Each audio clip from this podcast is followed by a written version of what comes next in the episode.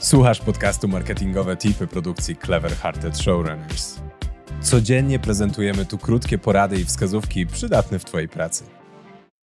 Ten odcinek poprowadzi Patrycja Obara z Lekkomównych. Cześć. Tematem odcinka jest budowanie relacji z klientami. Zacznijmy od tego. Masz już personę.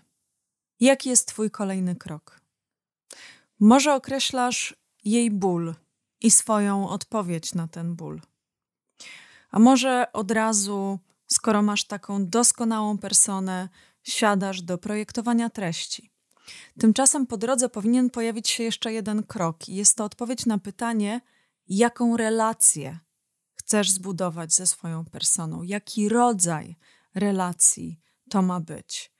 Relacje, jakie nawiązujemy z markami, nie różnią się szczególnie od relacji, jakie nawiązujemy z innymi ludźmi. I już w 2014 roku Jill Avery, Susan Fournier i John Wittenbreaker pisali, że ludzie oczekują, że organizacja się domyśli, czego się spodziewają po relacji z nią i im to zapewni.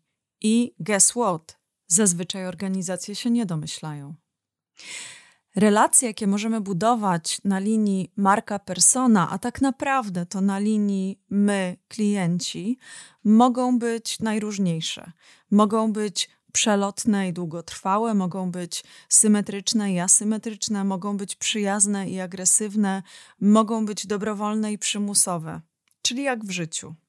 Wyobraźmy sobie taką sytuację, w której nasz klient uważa się za naszego przyjaciela jest na tyle blisko naszej organizacji i na tyle długo, że czuje, że za jego zaangażowanie należy mu się jakiś rodzaj szczególnego traktowania, że czuje, że o pewnych rzeczach powinien dowiadywać się pierwszy, że w pewnych sytuacjach powinien mieć określone przywileje. Tymczasem my takiego klienta, my taką personę traktujemy po prostu jak petenta. Kogoś, kto na zasadzie czysto transakcyjnej przychodzi do nas, płaci, dostaje produkt, dostaje usługę, idzie do domu. Taki klient to jest klient rozczarowany. Taki klient to jest klient, który czuje się porzucony, niemalże zdradzony. I odwrotnie, jeżeli ktoś chce tylko u nas załatwić sprawę, a my próbujemy się zaprzyjaźniać. Piszemy maile tonem spoufalającym się, zadajemy zbyt głębokie, zbyt osobiste pytania zbyt wcześnie, to taki klient prawdopodobnie pójdzie swoją sprawę załatwiać gdzie indziej. Starzy przyjaciele chcą się czuć ważniejsi od przelotnych znajomości. Ci, którzy oczekują relacji flirtu, liczą się z tym, że to, co im oferujemy, może dużo kosztować, ale przynajmniej w zamian powinni dostać dreszczyk emocji. Będą tacy klienci, którzy będą chcieli wejść z nami w relację nauczyciel-uczeń, albo w roli nauczyciela, albo w roli ucznia. Jedni od nas będą oczekiwali edukowania, a inni będą chcieli edukować nas. Nasz klient może też chcieć nawiązać z nami relacje w typie dealer-narkoman. Może stać północy albo i dwie noce w kolejce, żeby jako pierwszy otrzymać najnowszą wersję naszego urządzenia. Nasz klient może też oczekiwać relacji: jesteśmy w jednej drużynie, mamy wspólny cel, na przykład cel charytatywny, który osiągamy razem. Czasem jest tak, że relacja przemienia się w inną relację i jej charakter nie jest koniecznie dla nas korzystny. Na przykład mamy z klientem relację typu byli partnerzy.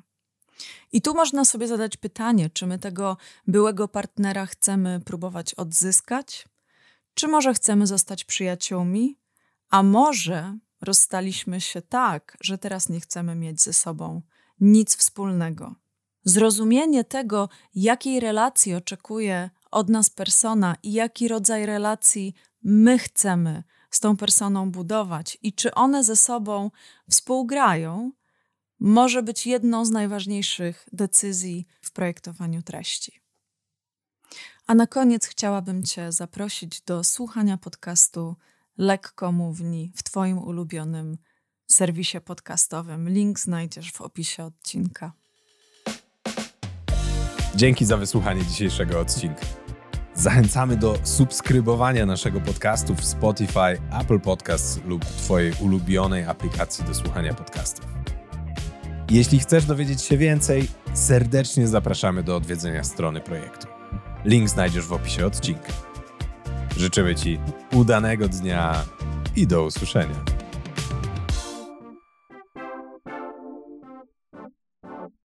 Pomysły na branded content, badania przydatne w marketingu i inspiracje od mądrych głów? To wszystko i więcej znajdziesz co dwa tygodnie w newsletterze Cliffhanger. Zapisz się za darmo na seryjnimarketerzy.pl łamane przez newsletter.